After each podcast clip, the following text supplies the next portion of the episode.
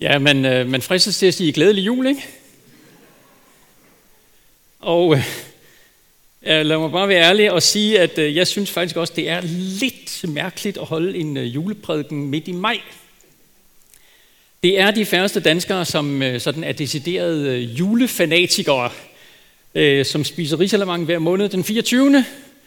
Og som tænker, super, en ekstra juleprædiken, altså hvor fedt kan det lige være? Både for jer, der er vant til at komme her i Københavnerkirken, og for jer, som øh, er på besøg, så er det måske noget overraskende, at vi skal høre om Jesu fødsel. Men det hænger sammen med den øh, serie, vi er i gang med. Øh, Hanna, som er gudstjenesteleder, hun, øh, hun var lidt inde på det øh, i starten her. Og jamen, kort sagt, så er serien Guds historie. Det er et forsøg på at fortælle de øh, vigtigste begivenheder og de vigtigste temaer i den store, overordnede fortælling i Bibelen om Gud, om hans skabning mennesket, og om det, som Gud har gjort og øh, gør for os. Altså historien lige fra den gang, han satte alting i gang, og indtil den dag, hvor han gør alting godt og retfærdigt igen. Sidste søndag, der sluttede vi, vi den, øh, den store del af historien, som er beskrevet i Gamle Testamentet. Og nu kommer vi så til historiens kæmpe store vendepunkt, hvor det uventede nye sker, som sætter alt efterfølgende i et nyt lys. Jesu fødsel. Øhm.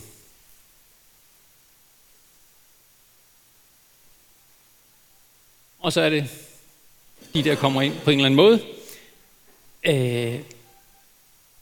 Og det første, vi skal se på, det er de her to spørgsmål.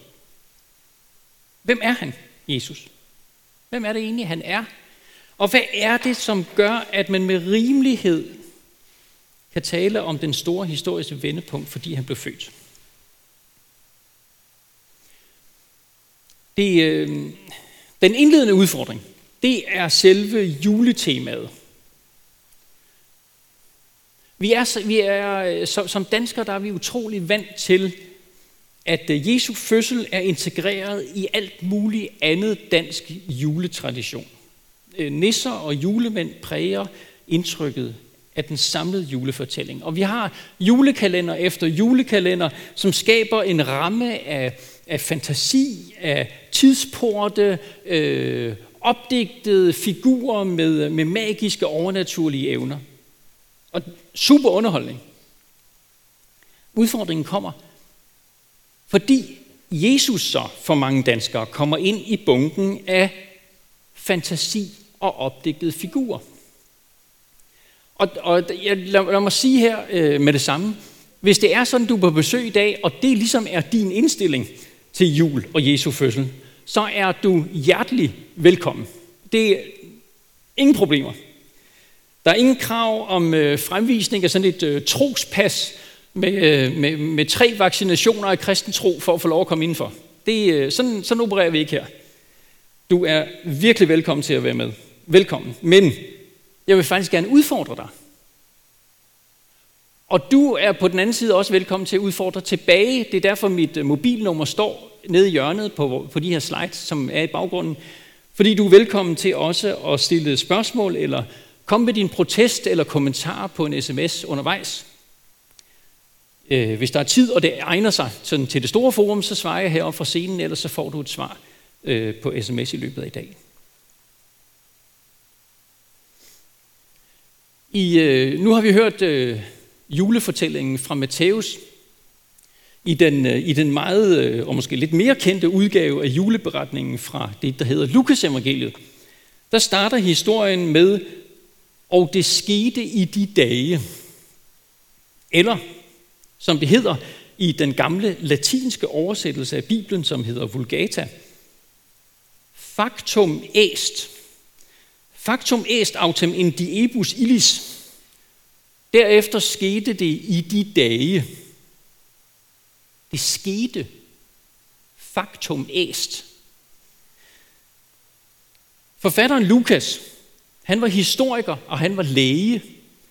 Og han havde lavet ret grundig research til sin bog. Han, han skriver selv i indledningen, Jeg har besluttet nøje at gennemgå alt forfra og nedskrive det for dig i rækkefølge, højt ærede Theophilus, for at du skal vide, hvor pålideligt det er, som du er blevet undervist i.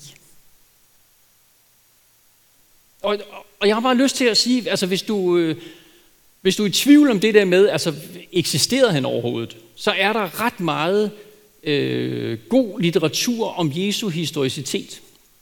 Øh, send mig en sms, så, så øh, skal jeg nok få nogle andre til at svare. Jeg, øh, der, der er nogen her i salen, som ved endnu mere om det her end jeg. Øh, så vi skal nok hjælpe dig til noget god litteratur, hvis det er, at du gerne vil udfordre dig selv. Men jeg har lyst til i korthed at sige, der er faktisk meget, meget få, hvis overhovedet nogen seriøse historikere, som vil benægte, at Jesus har levet. Og det betyder øh, sådan overordnet set, når vi, når vi har med Jesu fødsel at gøre, så, øh, så er vi ude over fantasi og opdigtede figurer. Vi er over i det, der hedder historie.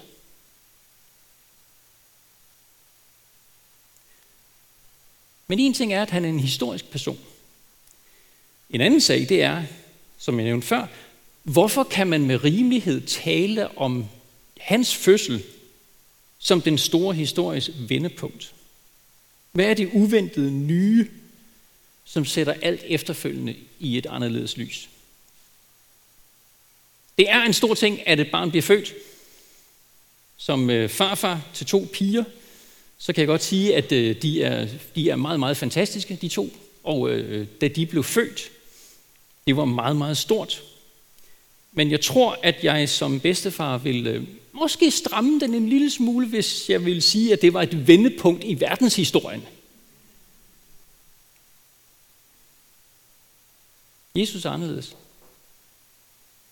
Og der er i hvert fald tre små indikatorer i den tekst, vi hørte før, som peger i retning af noget enestående.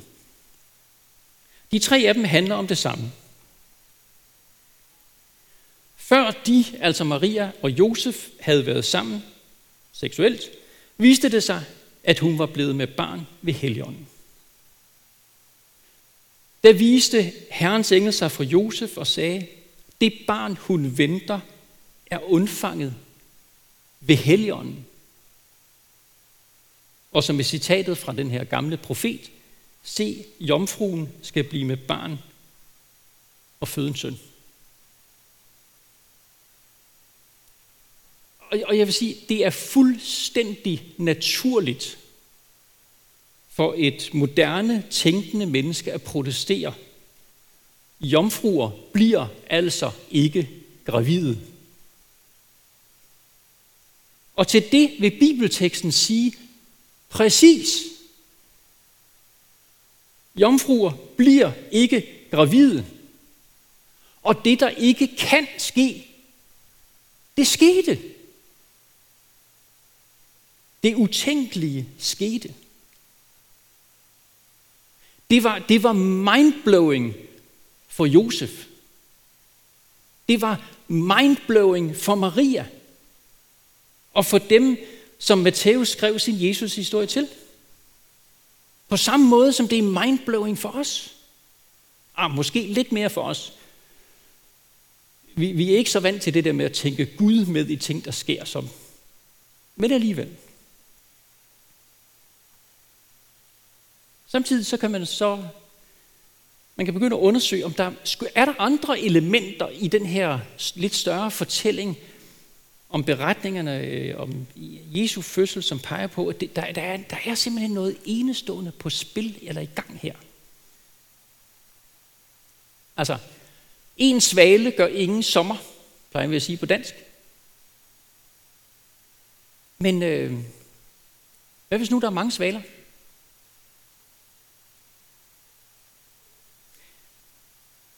Det vi ved, det er, at en flok forhyrter ivrigt opsøgte Maria og Josef og den nyfødte, fordi deres fredelige nattevagt var blevet afbrudt af engle, som fortalte, at barnet inde i Bethlehem skulle være en frelser og en kilde til glæde.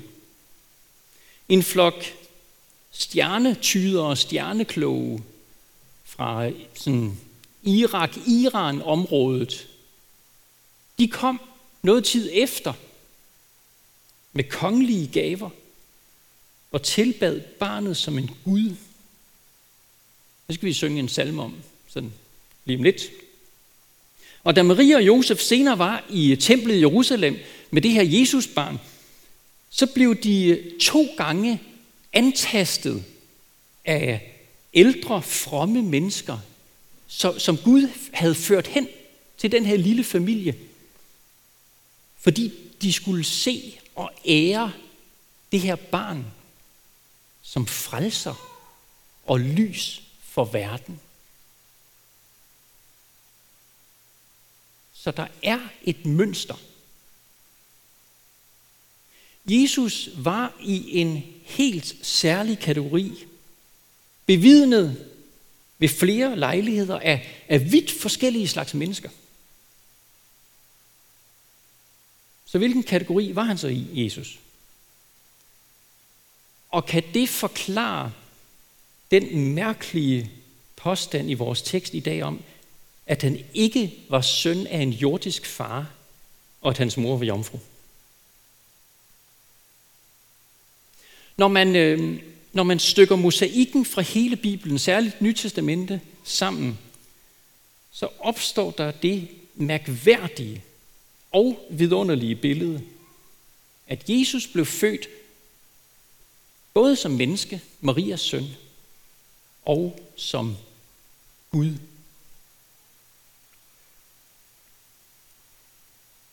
Undfanget ved Helligånden, født af Jomfru Maria, som den oldgamle trosbekendelse formulerer den her mystiske virkelighed. Gud er Gud, lys er lys, sand Gud er sand Gud, født, ikke skabt, af samme væsen som faderen, ved hvem alt er skabt, som en anden af de gamle trosbekendelser siger, med sådan en, en, en samling af udtryk, som forsøger at sige det uudsigelige, prøver at, at formidle det mystiske og det ufattelige. At Gud blev menneske i Jesus.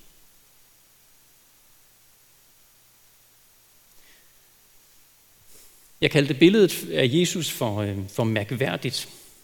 Og det er det, for det beskriver en person, som der aldrig nogensinde har været magen til. Og så kaldte jeg også billedet af ham for vidunderligt. Det hænger sammen med de to sidste små indikatorer i teksten, som peger i retning af noget enestående. Josef får at vide, at øh, det kommende barn skal hedde Jesus. Og det er faktisk ikke, fordi det, det er et kønt navn, eller fordi navnet det har sådan en, en flot betydning. Nej, han skulle have navnet Jesus, fordi han skulle gøre det, som navnet betyder. Han skal frelse sit folk fra deres synder. Jesus, han var ikke øh, bare en inspirator eller en filosof, som kan inspirere til det gode eller det uselviske liv. Det gør han også. Men hans hovedmål, det var at frelse. At genoprette det ødelagte forhold mellem Gud og alle mennesker. At skabe et nyt og verdensomspændende Guds folk af alle, som ønsker at følge ham. Og alle dem i både fortid, nutid og fremtid har han sørget for, skal opleve evig glæde, evig retfærdighed sammen med ham. På en helt ny jord. Uden øh, krig og klimakrise og social uretfærdighed.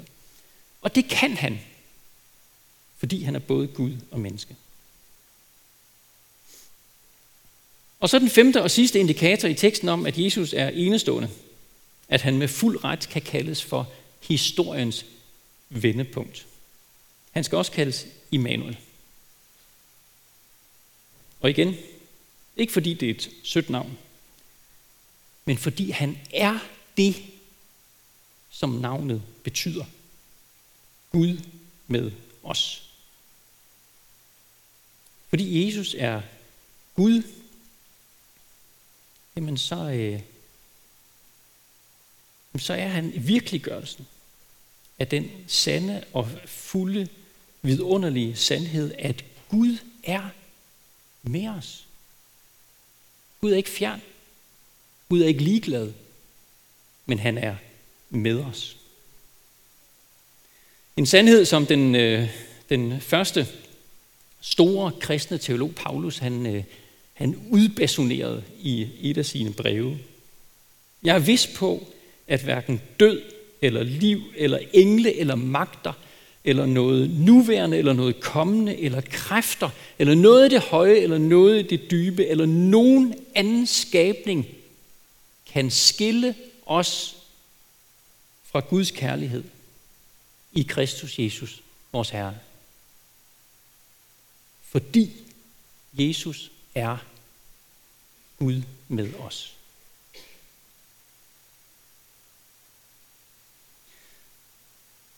Så meget om, hvem Jesus er.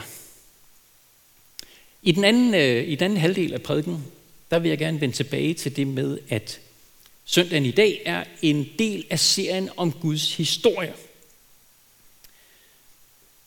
Sidste søndag, der afsluttede vi, som jeg lige kort nævnte, øh, nedslagene i det gamle testamente med, øh, med Manuels prædiken om at være i eksil, altså være i det fremmede og at komme hjem. Øh, efter gudstjenesten i søndags, der, der snakkede jeg med en af jer øh, fra menigheden, og øh, fortalte, at jeg skulle fortsætte serien i dag med at sige noget om Jesu fødsel. Og hendes umiddelbare reaktion var, øh, er det ikke noget af et spring? Altså, øh, hvordan hænger det lige sammen? Men nu han talte om at vende hjem. Han talte om, hvilken glæde og oplevelse af at høre til, som kommer af at komme hjem efter at have levet i et land som fremmed.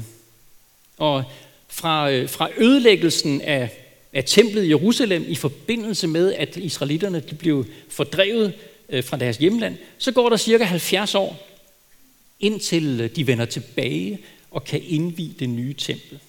Og der var helt klart fest og jubel. Ingen tvivl om det. Men der var faktisk også en grad af depression. Det nye var slet ikke ligesom fortidens storhed. Og samtidig så for, måtte de, øh, de måtte faktisk også kæmpe med at genopbygge bymuren omkring Jerusalem til forsvar mod, mod nogle fjender, som hele tiden forsøgte at skræmme dem væk igen. Indimellem var der var nogle få øh, af dem, der hed profeter, som kom med budskaber fra Gud, øh, som, som støttede folket og formanede og opmuntrede.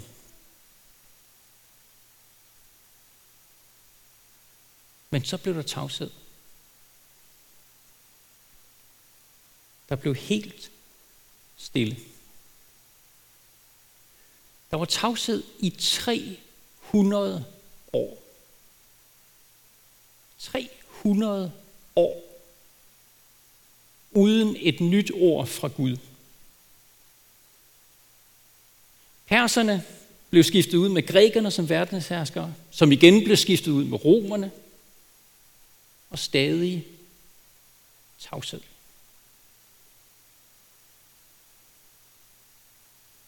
Og ind i den her oplevelse af et århundreder langt vakuum, der besluttede Gud at give sig til kende igen. Havde det været en øh, Netflix eller en Hollywood-produktion, så, øh, så havde det sådan, øh, så, så ville musikken sådan langsomt i lang tid have bygget op mod et stort crescendo og med et brag af en åbenbaring og fanfare og fyrværkeri, og nu gav Gud sig til kende. Men hvad gjorde han? Han sendte en lille, let rynket baby med fosterfedt i en vugge foret med halm i en flække, der hed Bethlehem. En lille gruppe mennesker hørte budskabet, som var gemt i den her baby. Og så tog det 30 år, før Jesus begyndte sit offentlige virke. Det var som om, Det var som om, at Gud vidste, at han var nødt til at bygge langsomt op og åbenbare sig lidt efter lidt i Jesus, fordi han var så meget anderledes end det, som israelitterne længtes efter. Han var ikke, han var ikke befrieren fra besættelsesmagten. Han var ikke krigerkonge og folkefører, som, som ville smide romerne på porten. Hans mission, det var ikke at frelse sit folk fra romerne. Han skulle frelse sit folk fra deres sønder. Han skulle ikke være Israels Volodymyr Zelensky med vild karismatisk lederstil og geniale generaler. Han skulle ende på et kors og dø, fordi han vidste, at det var den eneste vej, hvis han skulle frelse sine elskede mennesker fra deres sønder.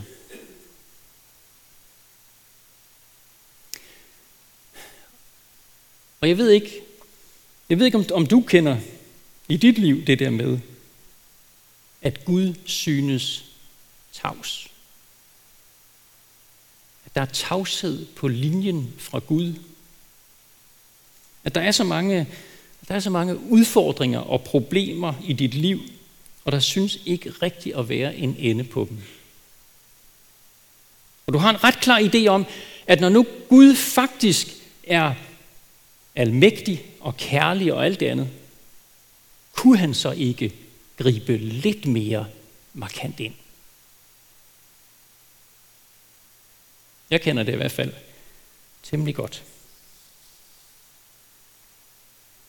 Og her tænker jeg, at, at det her markante kapitel i Guds historie kan give os lidt perspektiv. Faktisk ikke en løsning. Det ville være, det ville være så dejligt med en løsning. Men det er ikke virkeligheden hos Gud, at han giver os løsninger, når vi har problemer. I hvert fald ikke altid. Men han giver os altid perspektiv, så vi ser vores situation i et delvist nyt lys. Og beretningen om drengen, der blev født i Bethlehem som historiens vendepunkt, kan give os perspektiv på flere måder.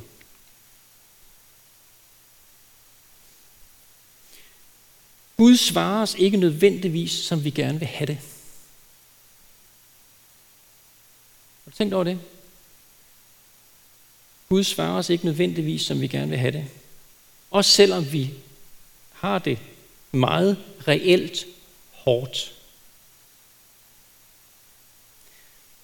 I verdenshistoriens vendepunkt, hvor det absolut, absolut øh, nye skete, som sætter alt andet i et nyt perspektiv, der svarede han helt fuldstændig anderledes, end folk dengang havde forventet. Han valgte at gå undercover. Han valgte det meget ikke spektakulære fordi mennesker ikke skulle have tillid til magt og styrke og redning og løsning her og nu i det åbne. Og sådan kan det også ske i vores liv. At vi bliver henvist til at stole på hans usynlige virkelighed under det synlige. Stole på hans ord, stole på hans rige, stole på hans indgreb når hans overblik siger, at det passer. Og derfor kan vi opleve skuffelsen. Men det store vendepunkt med Jesu fødsel viser os, at, at det, som er småt, eller altså det, som efter menneskelig målestok er, bare er ubetydeligt, eller noget, som er helt anderledes end forventningen, at det faktisk kan være det, vi har brug for.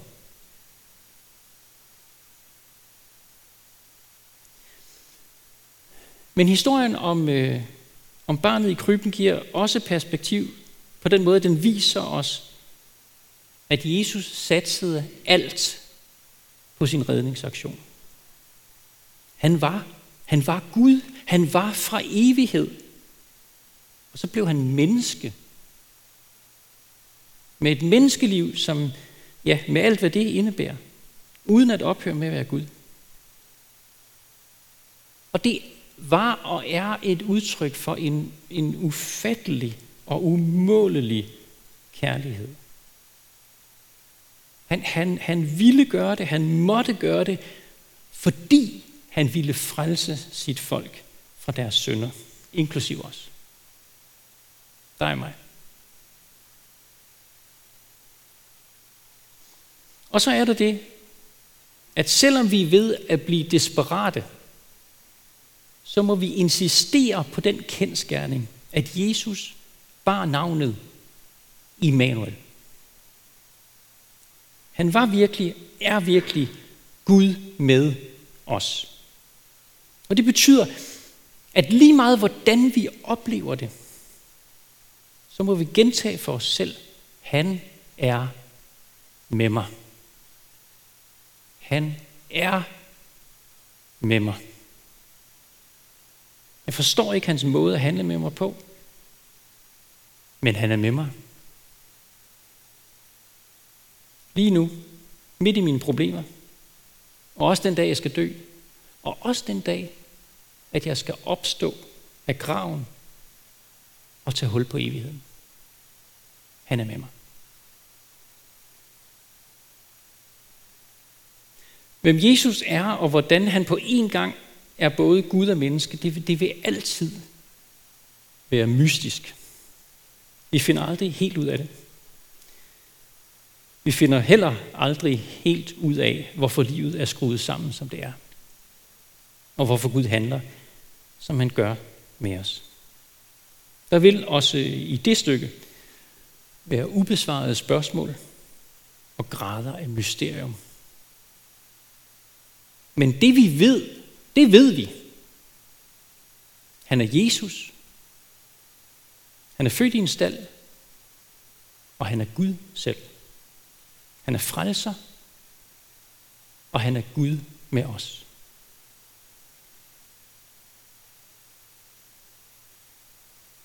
Så hvis vi gerne vil lære noget mere om, hvem Gud er, så skal vi bare hænge på i den her serie med Guds historie.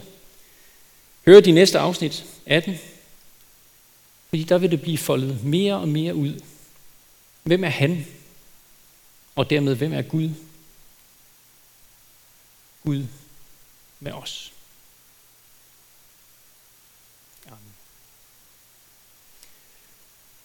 Nu, øh, nu bliver der lige et minuts tid med, øh, med mulighed for refleksion, hvor I kan sidde og tænke efter. Der kommer lidt musik. Og, øh, og så tjekker jeg lige, om der er kommet nogle øh, kommentarer eller spørgsmål, som, så, hvor det er oplagt at, at kommentere øh, fra min side heropfra. Øh, og øh, hvis der ikke er det, så går vi over til en salme, ellers så kommer jeg tilbage her.